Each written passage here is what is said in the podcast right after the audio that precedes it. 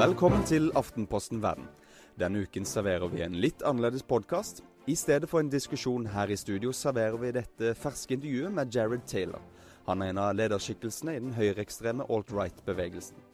Såkalte hvite nasjonalister over hele USA jubler nå over at Donald Trump er valgt til landets neste president. Hvorfor er de så fornøyd med valgresultatet? Folk som Jared Taylor drømmer om et segregert USA, der hvite og svarte lever for seg. Tror han at det er realistisk? Dette er ikke et forsøk på å normalisere en ekstremistisk politiker, men for å kunne forstå hvorfor den rasistiske alt-right-bevegelsen er på fremmarsj i USA, er vi nødt til å lytte til folk som Jared Taylor. Derfor presenterer vi denne samtalen som vår USA-korrespondent Kristoffer Rønneberg tok opp da han besøkte Taylor i boligen hans i Virginia tidligere denne uken. I, th- I, think I'd like to ask you, or start by asking you where you were on election night and how, how that night was for you. it was not at all exciting. Uh, I was here at home. Uh, I had put my daughter to bed, uh, my 14 year old daughter, and uh, I was as surprised as everyone mm. that things were going in Trump's direction. Mm. But I will confess to you that I went to bed probably about one o'clock before the election was officially called in his favor. Hmm. So I went to bed not even knowing for sure whether he would be president. Hmm. I didn't know the results until I woke up the next morning. Hmm. So I was not up until four, uh, b- drinking pink champagne and uh, shouting uh, "Hooray for Trump!" By the way, some people might have been. Hmm. Yes, uh, so y- you were very happy about the election. Very pleased, uh, astonished, and very pleased. Yes, hmm. very pleased. Um, what does it mean to you that Donald Trump will become president? Oh, it means that a thousand things are possible that would have been utterly impossible with Hillary Clinton. Uh, for example, uh, Steve Bannon is uh, a senior policy advisor to the President of the United States. Uh, I'm sure Hillary Clinton would slit her own throat before she would appoint someone like Steve Bannon. Uh, it means that many, many things which are simply taken for granted and have been taken for granted for generations are now open to discourse and inquiry. Uh, for example, the purpose of immigration to the United States. Hillary Clinton's view of the United States, as she explained to uh, a group of bankers, is that the idea of the identity of an American is an intellectual invention. Those were her very words, an intellectual invention. I think she probably believes this. Her view is that anyone can come to America and become an American. But if it's an intellectual invention, why even bother to come to America? You could subscribe to the tenets of the intellectual invention and live in Swaziland and be an American. Whereas Donald Trump clearly views immigration in terms of uh, what is good for America. This is not a service that we offer to the world. Hillary Clinton seems to think that so long as someone comes here and is not white and doesn't speak English, such a person has increased diversity, which is, in her view, uh, one of our greatest strengths, if not our greatest strength. Whereas Donald Trump looks at populations and says, well, wait a minute, some of these people are criminals. Some of these people are going on welfare. And in the case of Muslims, what we see in Europe uh, is not an encouraging thing. Let us look at these groups carefully and see what they can contribute to America. Now, this should be an entirely obvious and uh, taken for granted attitude towards immigration, but in the United States, it's almost revolutionary hmm. to put American interests first. Uh, the same is true in foreign policy. He's talked about America first. And he's been criticized by this because this was the same term used by isolationists uh, back in the 1930s. Lindbergh. I beg your pardon? Lindbergh. Yes, yes. But uh, is it really controversial? Should it be controversial for an American politician to think in terms of putting America first? Well, that hasn't been the case. Republicans and Democrats alike see America's role as somehow enlightening the world, spreading democracy, making sure that homosexuals are treated better in Africa, making sure that women are better treated in Muslim countries. There is this duty to the world, whereas Donald Trump has a much more American notion America's duty is first and foremost to Americans. That too is uh, a, very refreshing change for ordinary Americans who really, if they see their standard of living slipping, or if they see the teachers in their schools having to spend more time teaching English to the children of immigrants rather than arithmetic, rather than science and reading to their own children. They see their country becoming gradually something it was not when they were growing up. These changes of putting the interests of America and Americans first, this is a revolutionary thing. But at the same time, I mean, a counter argument to some of that. Uh, well, first of all, I can see that there are two two distinct, differently uh, different topics here. You have one Yes. of what to do with immigration, Yes. and one what kind of foreign policy to uh, to Yes, pursue. They're very Uh, different. But when it comes to immigration, I mean, the counter argument to what you're saying would be that it has always been a country of immigrants. Now, it's just the only difference is that the immigrants are coming from different countries, uh, have different faiths, and have a different skin color. What is the difference between immigration today and the influx of Italians, Irishmen, Norwegians uh, in the late 19th century? I have a one word answer for you race. Hmm. Don't forget that uh, this is my friend Kristen Mordrell. Hmm. Hello. Uh, don't forget that before the arrival of the Italians and the Swedes and the Jews and the Irish, we already had in this country, for in some cases 100 years, 200 years or more, two different groups the American Indians and blacks, neither group of which can be described as having, as having fully assimilated. So when people say, oh, it's no different, the Italians, the Irish, they all worked out fine. And it's true, in those cases, in the case of European immigrants, after two or three generations, they became indistinguishable in likelihood to go to college, household income, and likelihood to marry in or out of their original ethnic group. Really, there was practically no differentiation at all after about three generations. The same is not the case with American Indians and blacks, who I think cannot, even to this day, be accurately described as fully assimilated. So I- the melting in- pot, sorry the, the melting pot worked for European ingredients. There were some hiccups. The British, uh, the English didn't like the Irish, no question about that. Some people didn't like the Italians. But uh, after a few hiccups, uh, assimilation took place in a way such that people became American and no longer Italian. I mean, there's a sort of folkloric, uh, symbolic association with an Italian grandmother, or we, we, we cook Italian cuisine, or we celebrate St. Patrick's Day a little bit more vigorously than the nine Irish do. But no, these people became American in a genuine way because they were European. Sometimes the Catholics and the Protestants didn't get along, but even Catholics and Protestants became American in a distinctive way that I think blacks, to a large degree, are not.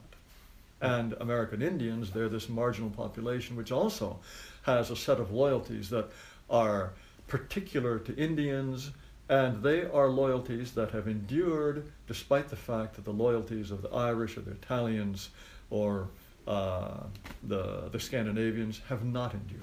Hmm. Well, I live in, in Brooklyn, in a Mhm. part of Brooklyn that's very uh, multi ethnic, multicultural, Yes. uh, and that seems to be a harmonious society, at least in terms of the way I, I see my neighbors and I see my neighborhood. Um, why is it impossible for that to be a model for, say, the nation? Because your neighborhood is it uh, Brooklyn Heights? Uh, what, what, what, It's uh, Park Slope. Park Slope. Oh yes, Park Slope. My guess is that Park Slope, the population is becoming increasingly white. True. Where you have integration in the United States in a neighborhood, generally, it is a population that is becoming either increasingly non-white or increasingly white. It's a transitional stage. As it becomes increasingly white, as it becomes increasingly up, yuppie, upscale, blacks will be resentful.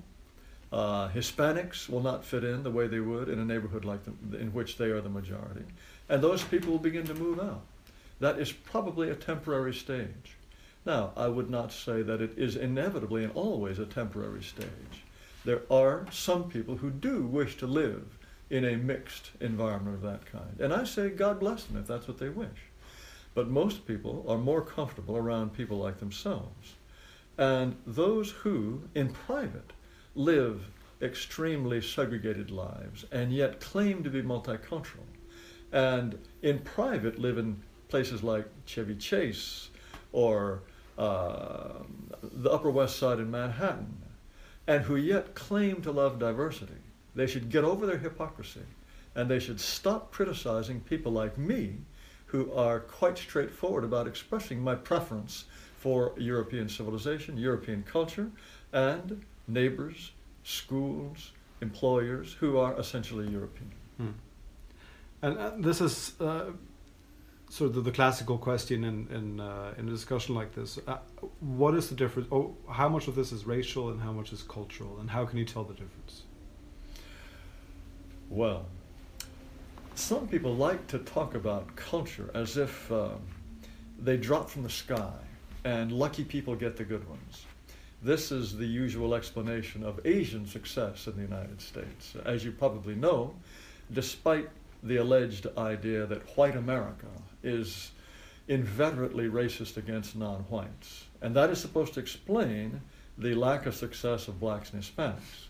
Uh, why is it then that Asians, on a per capita basis, earn more than whites? Why is it that they have fewer per capita criminals? Far fewer, really. Fewer illegitimacies, less likely to be in poverty. By all the indices of success, East Asians are more successful than whites. Is that because whites are somehow prejudiced in favor of Asians? when people are actually asked this question, they invariably say, oh, it's this Asian culture, as if the Asian culture dropped from the sky and the lucky Asians ended up with it.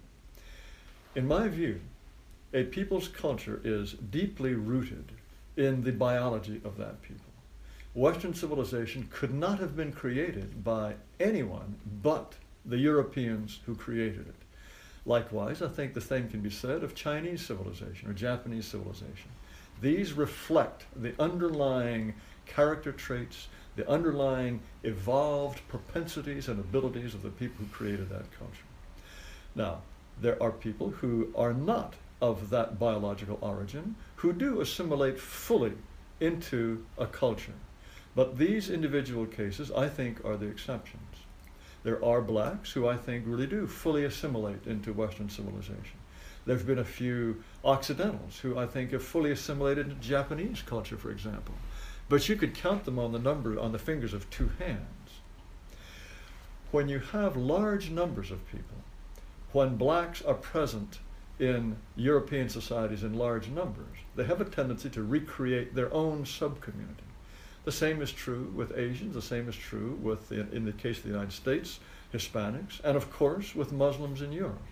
So, in individual cases, the culture and racial uh, lining up, the matching, one to one match of culture and race can be done away with. But in large numbers, this becomes difficult and eventually, I believe, impossible. Which is another way of saying that if whites were to disappear, there are parts of our culture that would at least be maintained or curated the Japanese would continue to uh, play classical music. But that doesn't mean that Western civilization would continue in a meaningful way. It would mean that bits of it were preserved almost like museum pieces. It would be like asking the Japanese, well, if you were to disappear, would you be satisfied with the fact that there are a few tea arranging or Zen meditation clubs in the United States to carry your culture forward for you? No. Their culture is a multifaceted, multidimensional thing that must require a people living it in order to survive. And the same is true for Western civilization, our culture. But race is too a multifaceted uh, thing. I mean, uh, I'm from Norway, but you yes. could probably have uh, placed me anywhere in. That's true. In Europe, just you by could be an Englishman. You could yeah. be a Frenchman. Yes. And uh, I, I don't know what's in my genes, um, but I, I know that my hair is no longer blonde. It was when I was a kid, but uh, you no can go to 23andMe and find out. Have you ever done that? Uh, no, I haven't. Yes, but I mean, we're all a mix of different things. I mean, if if you go far enough back, how, how do you define sort of the the pure race.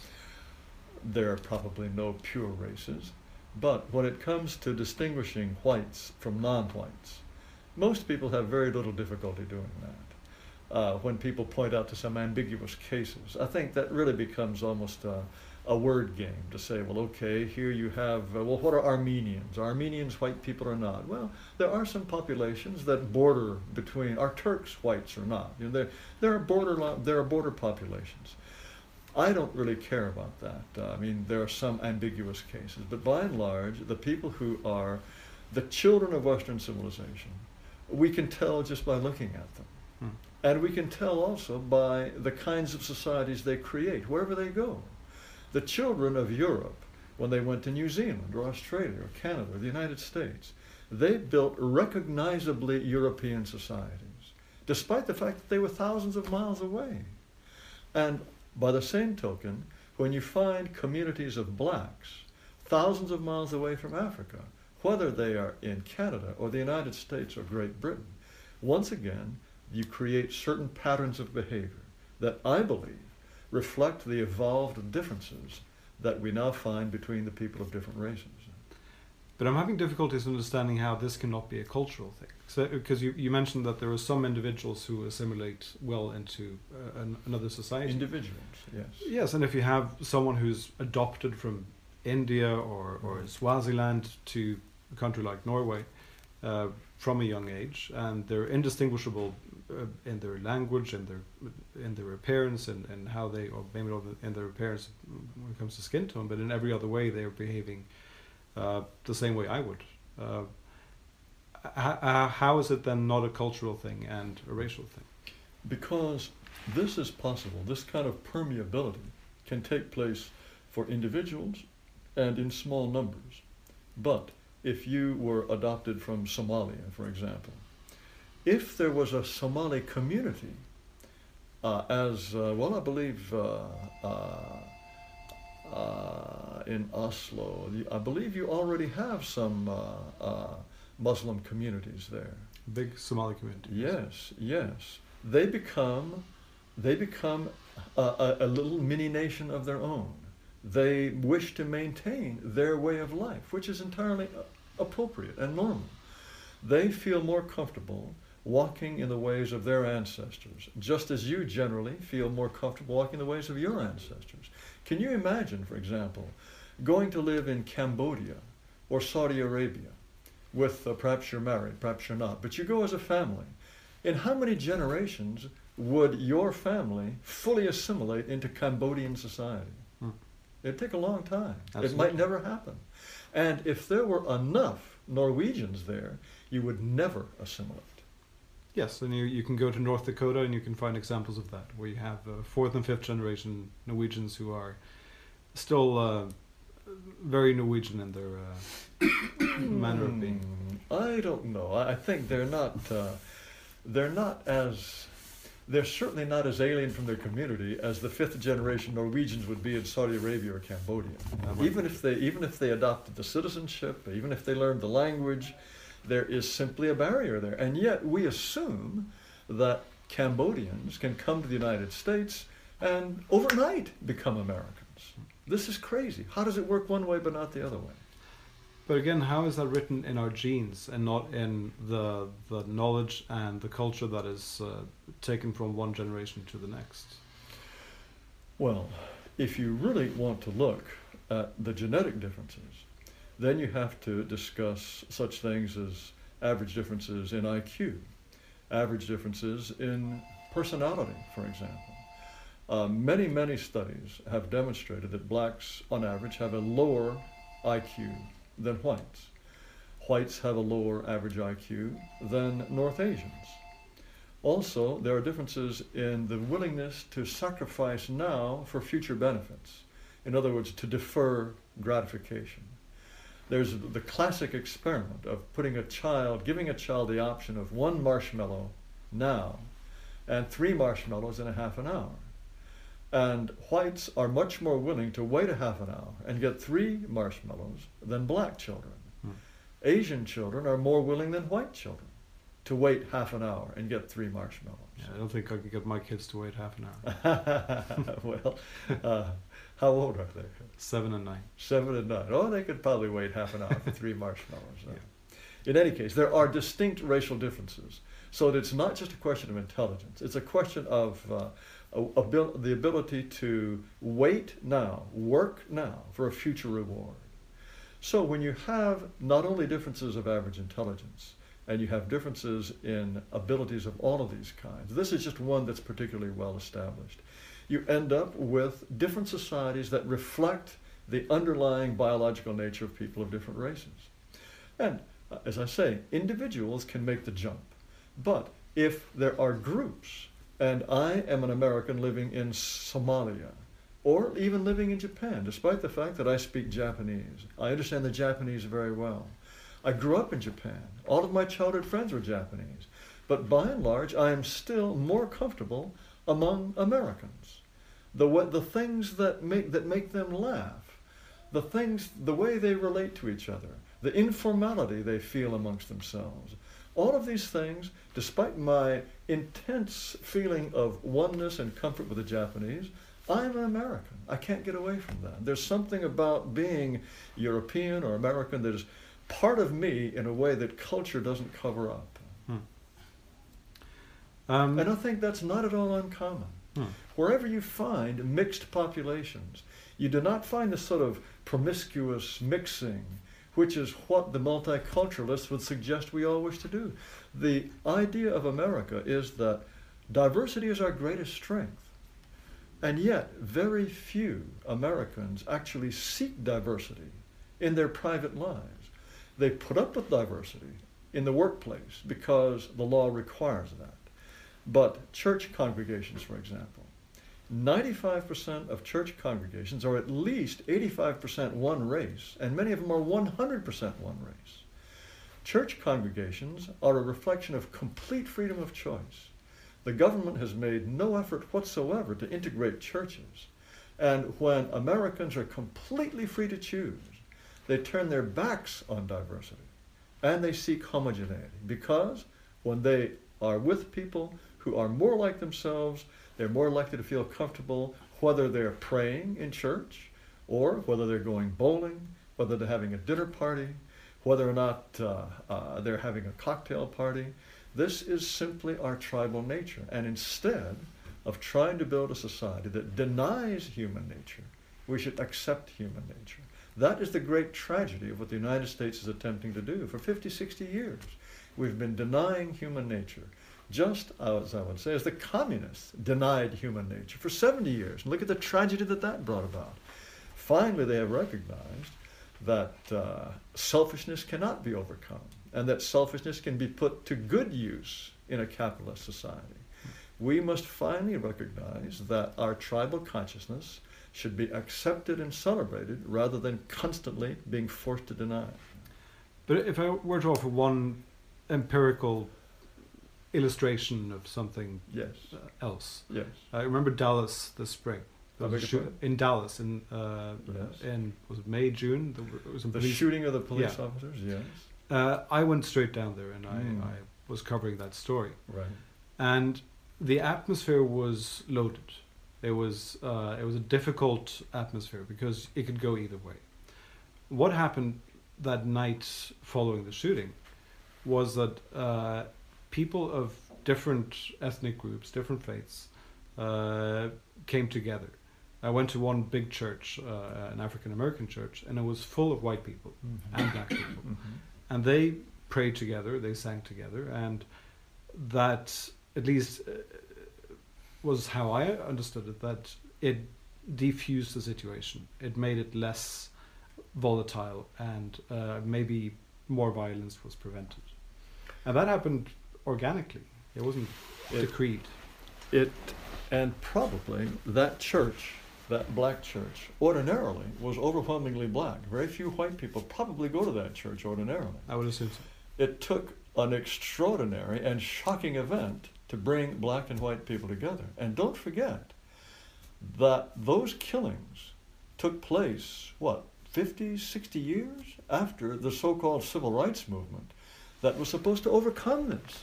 Why is it 60 years later we still have race riots? Why is it 60 years later you have a black man killing white police officers? Why is this Black Lives Matter movement in which you can't even say all lives matter? After all of this effort, after all the moral energy America has poured into trying to make blacks equal and welcome in every way, this problem does not go away. All of this empirical evidence supports my view and not yours. Hmm. You point to one extraordinary event that took place because of this shocking incident. As soon as the shock has gone away, those people go back to their different communities and the problem will continue to be unsolved because, in my view, it cannot be solved. Hmm. Okay, so moving back to the uh, election. Yes. Um, you mentioned uh, Mr. Bannon uh, in your first answer. Right, right. Uh, what is your relationship to him? Have you have you met him? None, none you, uh, whatsoever. I have no relationship with, with him whatsoever. Have One you met him? Excuse me. Have you met him? No, I've never met him. Hmm. Uh, I have. I know a few people who have met him, but the idea that somehow his views are similar to mine comes from the fevered imagination of the press that somehow seems to think that uh, someone like Donald Trump is a racial nationalist.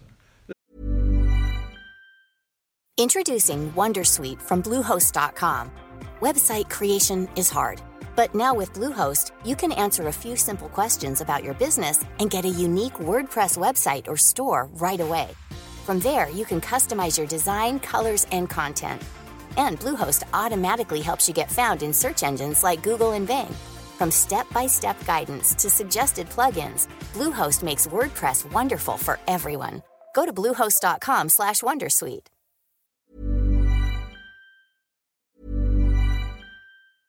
This is Paige, the co-host of Giggly Squad, and I want to tell you about a company that I've been loving, Olive and June. Olive and June gives you everything that you need for a salon quality manicure in one box. And if you break it down, it really comes out to $2 a manicure, which is absolutely insane. It's also so easy to get salon worthy nails at home with Olive and June. The difference between how your nails used to look when you did them yourself and now with the Mani system is a complete game changer. The best thing about Olive and June too is it's a quick dry, dries in about one minute, lasts for five days, and full coverage in up to one to two coats. Visit oliveandjune.com slash perfect Mani 20 for 20% off your first system. That's oliveandjune.com slash perfect Mani 20 for 20% off your first system system.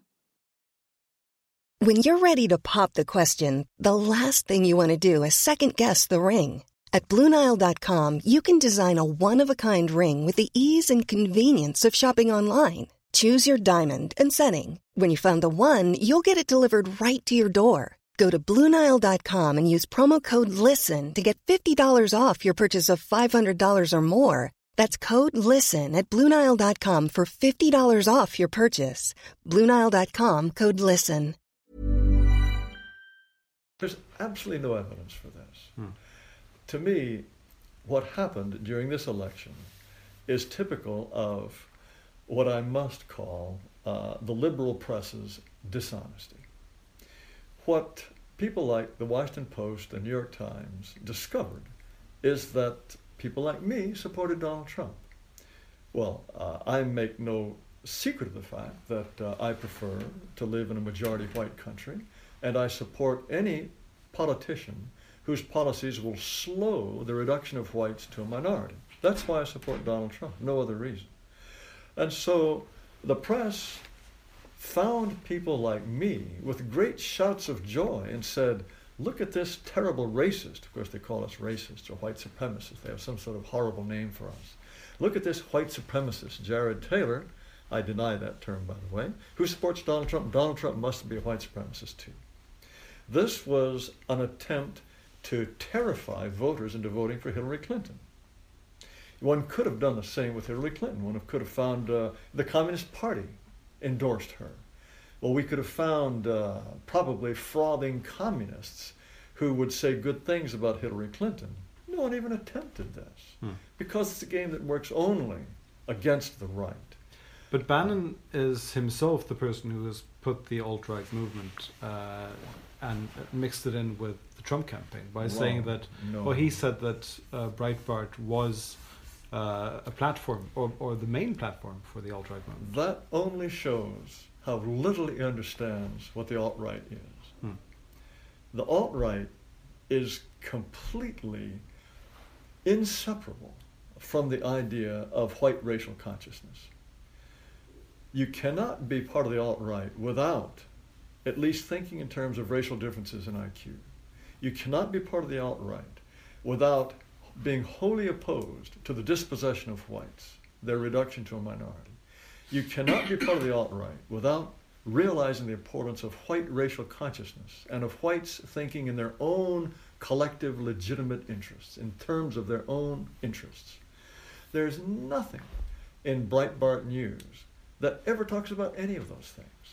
In Breitbart's own, in uh, Bannon's own statements, he has never touched on what are absolute cornerstones, building blocks of the alt right.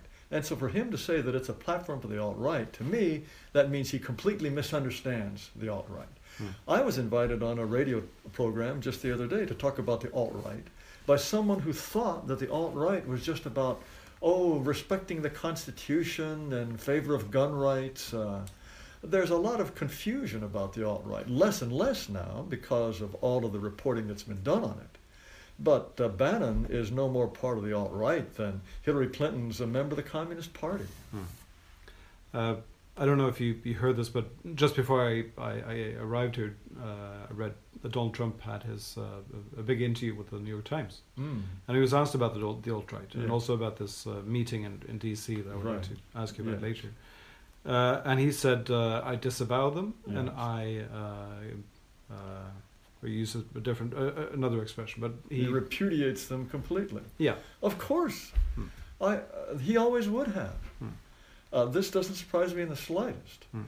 As I say, it was a fundamentally dishonest effort to try to blame him for the views of someone like me. Hmm.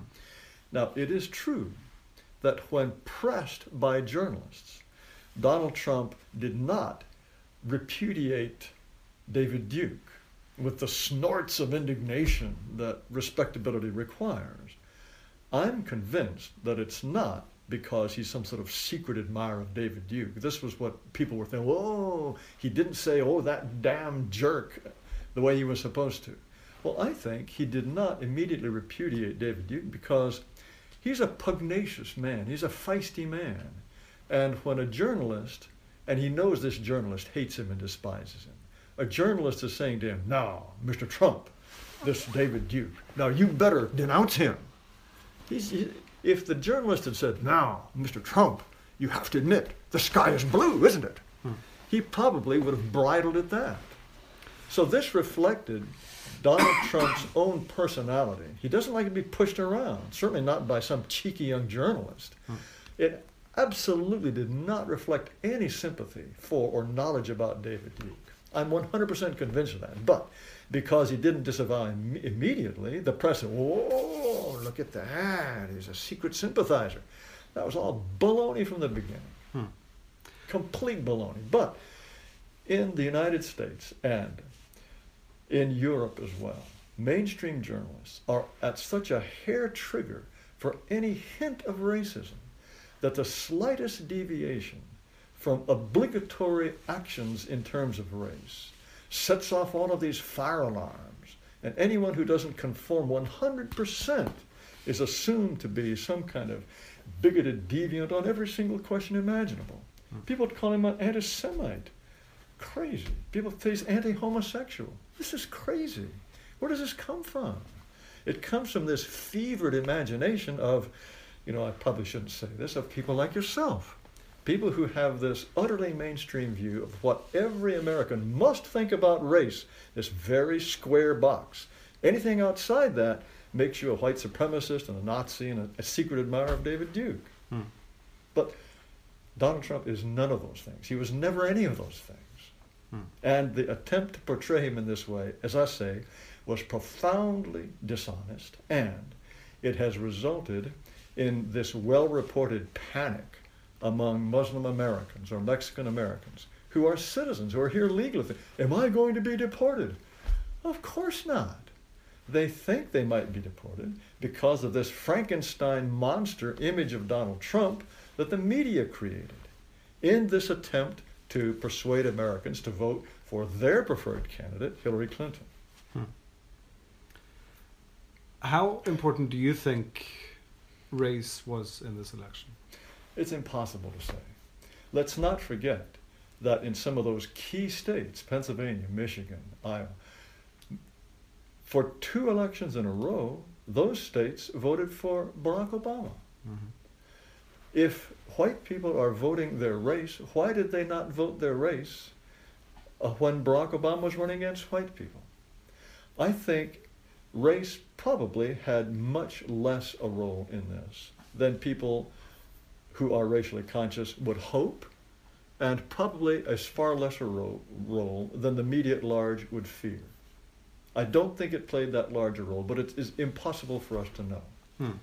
Absolutely impossible. Because this is something that Americans would probably not answer honestly about anyway. If you asked, if you found every single person in America who voted for Trump, and you asked them, well, how much did racial identity or white consciousness play? Was it 0%, 10%, 50%, 100%? I think for those for whom the answer would be something more than 0%, many of them would probably lie. So we don't know, and we cannot know. But do you see a correlation in, say, the Rust Belt or in other areas where, where blue collar jobs are disappearing, where, Right. where white middle class workers are struggling? Right. Do you see a correlation between that and new recruits to the alt right movement? Not necessarily. I think that uh, people are coming to websites such as mine, and however the alt right is defined. I mean, I've been involved in this work for 25 years, since well before the term alt right even arose. I consider myself a racial realist and a, a white advocate. Uh, we are really racial dissidents, if you want to put it in sort of Soviet terms. This movement was growing well before Donald Trump ever came on the scene. And Donald Trump could disappear tomorrow, and our movement would continue to grow very rapidly because more and more white people are recognizing that what they've been taught to think about race is simply wrong.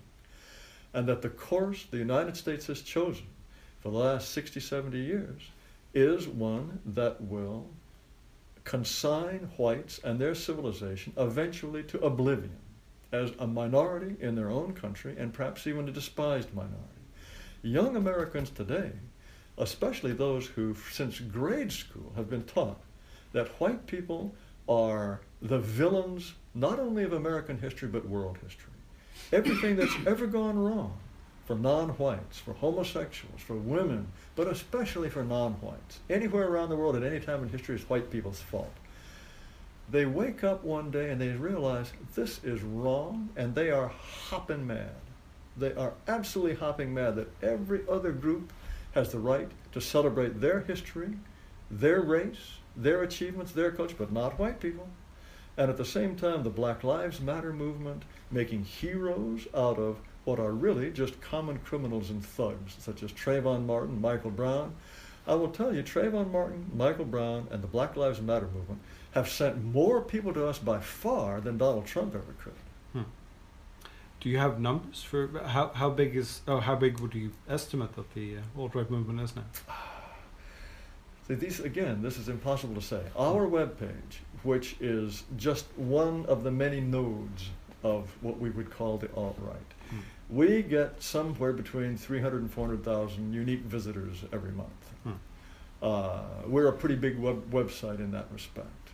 Uh, if you and but how many of our visitors are shared by uh, a site like vdare.com, for example, where there's a certain amount of overlap. These things are impossible to estimate. I'm sure people people could throw off numbers in the millions. I simply don't know, and I would be pretending if I pretended to know. I can only tell you the number that come to us, and I would also add that of that number, 40% are women. It's not an exclusively male kind of interest. Right. And what is the growth like? Uh, If it's Oh, we're four maybe- hundred thousand now, what, We're what maybe up year ago? 30, 35% over a year ago. Hmm. Over, but uh, as I say, my sense is that uh, we were growing well before Trump. Hmm. and uh, it is it is just the the obvious the obvious friction, primarily between blacks and whites, but then also between whites and Hispanics, Hispanics and blacks. The obvious inability for these groups to get along the way we've been promised for decades and decades that we will get along. This is what brings white people to a consciousness that they have an interest in the future of their country and in the demographic future of their country. Hmm. In the United States today, if you're under five years old, you're all, if whites are already a minority. When people, when uh, parents take their children to school and their and their white children are surrounded by Mexicans or Somalis, or they wonder, what kind of world is this? Hmm. It it's disturbing to them. And I, I believe that this same consciousness of the demographic future is what is driving what's called the far right in Europe. Hmm. What it was, what was behind Brexit, this idea that well, hold on, well, people voted for Brexit in the hope that they were going to stop immigration. Hmm. That was one of the ideas. Whether or not it works, I don't know. For myself, I don't have any opinion really on whether or not uh, Brexit was good for Britain or not. But it was an expression of a desire to have sovereignty back so that we can control who we are. But uh, uh, all of these so-called far-right parties in Europe, they're all considered Nazi, they're all considered immoral.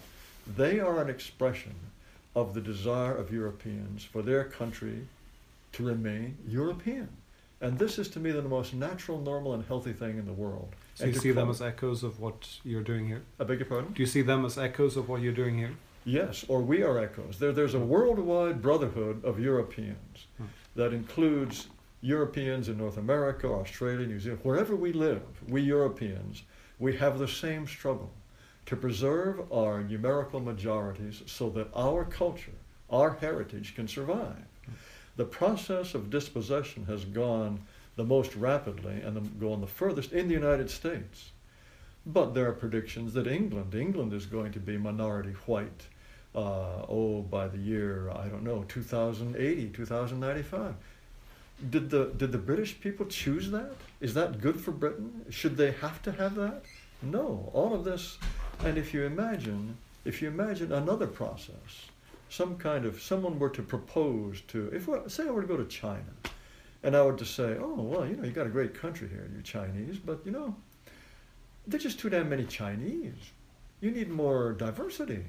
You need to import, you know, maybe 20 million Haitians and, uh, you know, some Bolivians and, you know, a, a bunch of Muslims. That's always good for diversity. They think you were nuts. Hmm. They think you were nuts. But this is the kind of thinking that prevails among European countries that diversity is good and anyone who resists is immoral. That's what's so sick about it. But how, how can you resist when there's already the structure in place? Uh, or I, I'm not saying how you can resist, but Mm. in practical terms, how, say in the U.S., uh, What can As- we do about it? yeah, what can you if, if you have a system where already people, uh, kids under five, they're Right. growing up in a in a minority majority Right, country. right, right. How do you envision segregation happening without violence? Oh, I think that segregation could happen spontaneously through freedom of association. After all, all of the institutions in the United States today are trying very hard to press people together at the workplace, in schools, in neighborhoods, and yet, as the example of churches shows you, when people really are left to their own, they self segregate. If our nation recognized that this tribal sense, this sense of community and belonging, is a healthy thing and not a bad thing, and encouraged that, or at least did not put barricades in that kind of process, I think we would have a spontaneous separation into regions, maybe even complete states. States might secede. I do not think that violence is necessary, but for me, the real question is the survival of my people and my culture. And if dismembering the United States is what is required to make that happen, that's a price I'm prepared to pay. I would never talk in terms of sending people away. I mean, they're here, they're citizens, uh, especially black people. They're brought here against their will. They have some kind of claim on this territory. But that doesn't mean that we can make some kind of equitable division in which each group is free to pursue its own distinct destiny. Hmm. How many states do you envision for the United States? Oh, you know, uh, it's to think in concrete terms now would be premature, but uh, I think uh, something based on population and based on, on preference. To the extent that there are white people who wish to live in, in mixed uh, communities of, of blacks, uh, Haitians, and Guatemalans, God bless them, let them do so. I don't condemn that. I just don't wish to be condemned for expressing my own preferences. Hmm. As you may remember, in uh, in uh, in my country a couple of years ago, uh, it was five years ago now. Mm. Uh, there was a uh, young man, uh, yeah, Oh yes, yes. and that was an example of taking some of these ideas and turning them extreme and Yes. violent. Oh yes. Are you afraid that others might be uh, uh, inspired by that? There's always that tragic possibility.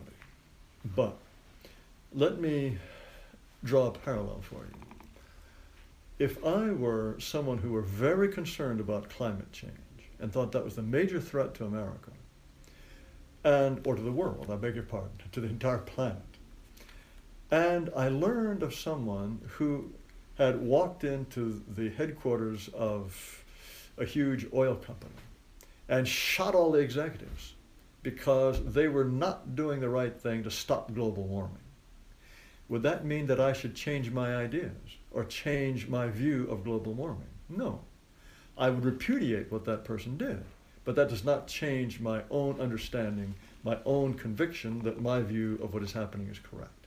You can take any idea and uh, um, abuse it, or you can kill people in the name of practically any idea. That does not have anything to do with the truth of that idea. Can you say the same about uh, Islam and extreme Islam? One certainly can, I think, except that uh, in the case of Islam, its holy book talks about killing unbelievers. So it's the Christian holy book. Mm, not the New Testament. The New No, not the new one, No, the, not uh, the New Testament. the The, old Old one. Testament. And Protestant Christians, uh, for them, the New Testament is the New Covenant. You know, they don't keep kosher. They don't do those things. Muhammad is unquestionably the most violent, bloodthirsty, sex maniac who ever started a, a, a religion. He's not like Gautama Buddha. He's not like any of the Hindu sages. Not like Jesus Christ at all. I think there is something about there's something about Islam that is based in violence. Islam makes no bones about being anything other than both a religion and a system of governance. The Quran is not just a religious book. It is it is rules along with the Hadith and all these other sayings. It is a blueprint for society. So I think I think Islam is categorically different. It is substantially different from other religions in that. I mean, there may be others like that, but it's different certainly from Buddhism or Christianity, Hinduism, uh, Zoroastrianism. Uh, none of those religions has this kind of militant kill the infidel as an essential part of its of its teaching as well as claiming to be a blueprint for all not just of religious society but of civil society Hmm. i think islam is different in that respect Hmm. in any case the united states is under no obligation to let anyone into the country. We should be able to choose who comes. And uh, i would like to know what is it about muslims that makes them particularly desirable? I mean, if there is even a risk that 1% of Muslims may be undesirable, what is it about the rest, not the other 99% that is so desirable that we should run that risk? Well, if you're asking, uh, if it's not a rhetorical question, It, um, yeah, I'd like an this, answer. this telephone. I mean, Excuse um, me. This telephone was created by the son of a Muslim immigrant. Oh, Steve Jobs. And it wouldn't have happened without this Muslim immigrant? Uh, I think uh, it would have happened one way or the other. Uh, he wasn't a Muslim. How, how Muslim was, uh, was Father Jobs anyway? Where were they from? From, uh, Syria. From, from Syria, yeah. Hmm. Oh, are you sure? That, well, I think so. Yeah, yeah. In any case, you know, you, you can come up with an anecdote for anything, Hmm. but uh, what is clearly happening in Europe, what happened uh, at the Cologne railroad railroad station on New Year's Eve, completely hushed up at first, And then once the news came out, we found that this happened in Hamburg, this happened in other European countries. Why should we run such a risk? Why should we even attempt this? Unless Muslims had some sort of extraordinary talents and gifts with which they improved our society, why should we run this risk? Hmm. The reason Americans refuse to think in those terms is because it involves discrimination. And discrimination has taken on such a, a, vile meaning for Americans, despite the fact that we discriminate all the time. You discriminate in what you wore today. You discriminate in what you eat. You discriminate in your choice of friends. When you married one woman, you discriminated against all the rest. Discrimination is an important part of, it's an essential part of being a human being. And yet, when we talk about discriminating on certain bases, that's suddenly illegitimate. Hmm. Anyway, now when it comes to Muslims, we're under no obligation to take any Muslims. And I don't see why we need to take that risk. At the same time, in my view, any step that reduces whites to a minority is not in the interest of my people. So hmm. why should I approve that? So I have double reasons for uh, being very suspect, being skeptical of Muslims. Hmm. Well, I appreciate you being so patient with me. I, okay. I have two two more things. Oh, uh, uh, first of all, um, this dinner on, on Saturday, uh, or, oh, the, oh, the, yes. the, conference and first yes. and then the dinner. Yes. Uh, you mentioned the labels that you're uncomfortable being being given: uh, white extremist, racist, Nazi. Yeah. But so. when you see these images that we've seen now from the conference of people saying uh, Heil, uh, showing the Nazi salute, right. it makes it difficult for those of us on the outside not to make the comparison to Nazi Germany. Well, um, I was as shocked as anyone by all of that. Hmm. Uh, the alt right is a very broad movement, and uh, uh, apparent. Well, I have always known that there were at least anonymous Twitter accounts that are openly Nazi and anti-Semitic. But uh, I did not think that Richard Spencer was uh, that sort of person. Hmm. I was not there that evening. Uh, I think uh, having some this this attitude of Jews as an enemy, that's not my position at all. I think Jews can very much be white people, men of the West. Uh, and uh, so I was I was shocked by by these images that we've seen. What is your relationship to uh, to Spencer? I've known him for some years, but he has his organization. I have mine. Uh, I've invited him to speak at some of my conferences. He's he's definitely moved over the years, I think, uh, but. Uh, uh, and he has invited me to speak at some of his conferences, but we have c- completely separate organizations uh, I was I was very surprised. I, I was very saddened by it. Uh, I think it's a it's a terrible it's a terrible pity. Hmm. Uh, um, I, I, don't I don't endorse uh, any form of uh, national socialism. I think that uh, that's a completely inappropriate and crazy model for the United States. Hmm. I'm glad we, we cleared that up. well, uh, if you look at my record, I think none of this would be very surprising to you. Um, finally, just looking forward a bit, uh, yes. you, have been careful to distance yourself from the Trump administration, uh, Steve Bannon, Breitbart, and all of that. I'm not carefully distant. I'm just stating the. Oh yeah, yeah. I'm just stating the facts as I see them. Yeah. Yes. But uh, at the same time, you're you're happy about the outcome of the election yes. and uh, and some of the policies that yes. Mr. Trump has, has proposed. Yes. How do you see your influence as a group and uh, perhaps an ideology in in the coming Trump administration? That's that's impossible to predict. Uh, I certainly have no special entree into the Trump circle. What I intend to do is to continue to express our point of view as clearly and as convincingly as possible.